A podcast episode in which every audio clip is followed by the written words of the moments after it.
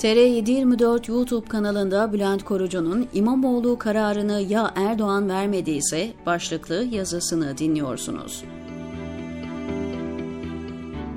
İstanbul Büyükşehir Belediye Başkanı Ekrem İmamoğlu'na hapis ve siyasi yasak kararını kim verdi? Kolay cevap Cumhurbaşkanı Recep Tayyip Erdoğan. Gerekçe de aynı basit mantığın iz düşümü. Cumhurbaşkanı adayı olarak İmamoğlu'nu karşısında görmek istemiyor. Pekala söz konusu karar bu ihtimali güçlendirdi mi, zayıflattı mı? Hiç kuşkusuz İmamoğlu'na adaylık konusunda verilebilecek en güçlü destek geldi.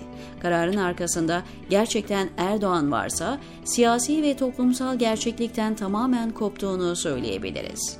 İmamoğlu'ndan tıpkı HDP eski eş genel başkanı Selahattin Demirtaş gibi kısa yoldan kurtulmaya çalışıyor diyebilirsiniz.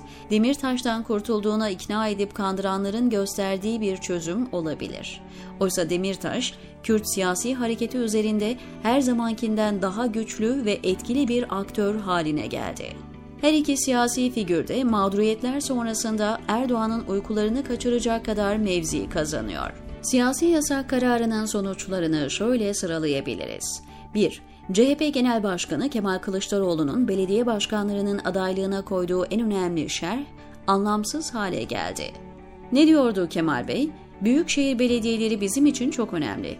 Başkanlar aday olursa önemli kaleleri AKP'ye kaptırırız. Şimdi aday olmadığında hem İstanbul'u hem Türkiye'yi kaybedecekler. Cumhurbaşkanı seçildiğinde karar onanmaz, onansa bile görev süresi bitiminden önce uygulanmaz. 2. Altılı masayı dağıtabilecek en önemli kriz Cumhurbaşkanlığı adayı. Yumurta kapıya dayanmasına rağmen hala netleşmemesinin sebebi yıpranma korkusu filan değil. Kemal Bey'i çekilmeye ikna edemiyorlar. Bunu doğrudan dile getiremiyorlardı. Meral Akşener'in imaları ya da İyi Partili isimlerin kontrolsüz görünümlü çıkışları bile CHP liderine geri adım attırmıyordu. Mahkeme kafa karışıklığını bitirdi, tereddütleri sonlandırdı. Tabir yerinde ise Gordion'un düğümünü keserek sorunu çözdü. Bu saatten sonra İmamoğlu'nun adaylığına kimse karşı çıkamaz.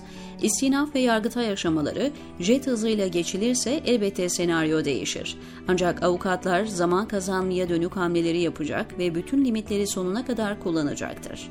Sandığın Nisan ayında getirilme ihtimalinin güçlendiği düşünüldüğünde seçimden önce yetişme riski iyice azalıyor. Velev ki yetişti ve siyasi yasak uygulandı. O zaman İmamoğlu ceketini koysa kazanır ve daha sonra yasağa kalktığında tıpkı Erdoğan gibi önü alınamaz bir figüre dönüşür. Bu arada Kemal Kılıçdaroğlu'na Almanya kazığını kimin attığını merak ediyorum. İstanbul Büyükşehir Belediye Başkanı'na siyasi yasak geldiği gün genel başkanın yanında olmaması düşünülemez. İlkesel duruş ve dayanışma bir yana bunun siyaseten intihar olduğunu bilmiyor olamaz. En iyimser tahmin, kararın bu duruşmada çıkmayacağı yönünde yanıltıcı bilgi verilmiş olması. Öyleyse İmamoğlu'nun önünü açmak isteyenler çok yaralayıcı bir hamleyle Kemal Bey'i minder dışına itmiş oldu. Aksi durumda da böylesine basit ama hasar verici hataları yapan kişiden zaten Cumhurbaşkanı zor olurdu. Bir dejavu yaşıyor gibiyiz. Erdoğan'ın Ziya Gökalp'in şiirini okuduğunda hapis cezası alıp ve siyasi yasaklı hale gelmesine ne kadar da benziyor. İçişleri Bakanı Süleyman Soylu ile girişilen kim ahmak tartışmasından HSK'ya hakaret çıkarıp İmamoğlu'na hayatının pasını attılar. Oysa Erdoğan ve Soylu'nun planı PKK'ya yardım ve yataklıktan içeri tıkmaktı. Öyle bir durumda kamuoyu desteği azalır, ceza da büyürdü. Şimdi babanın evladına attığı yalancı tokatlardan birine benziyor. 23 yıl önce Erdoğan'a atılanın aynısı.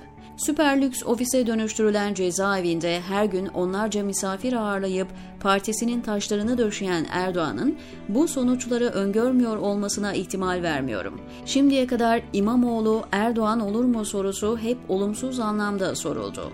Bugünün sorusu aynı piyangonun talihlisi olabilirler mi? Meral Akşener ve Ekrem Başkan'ın vücut dilleri size de piyango talihlilerinin mutluluğu gibi gelmedi mi? diyor Bülent Korucu TR724'deki köşesinde.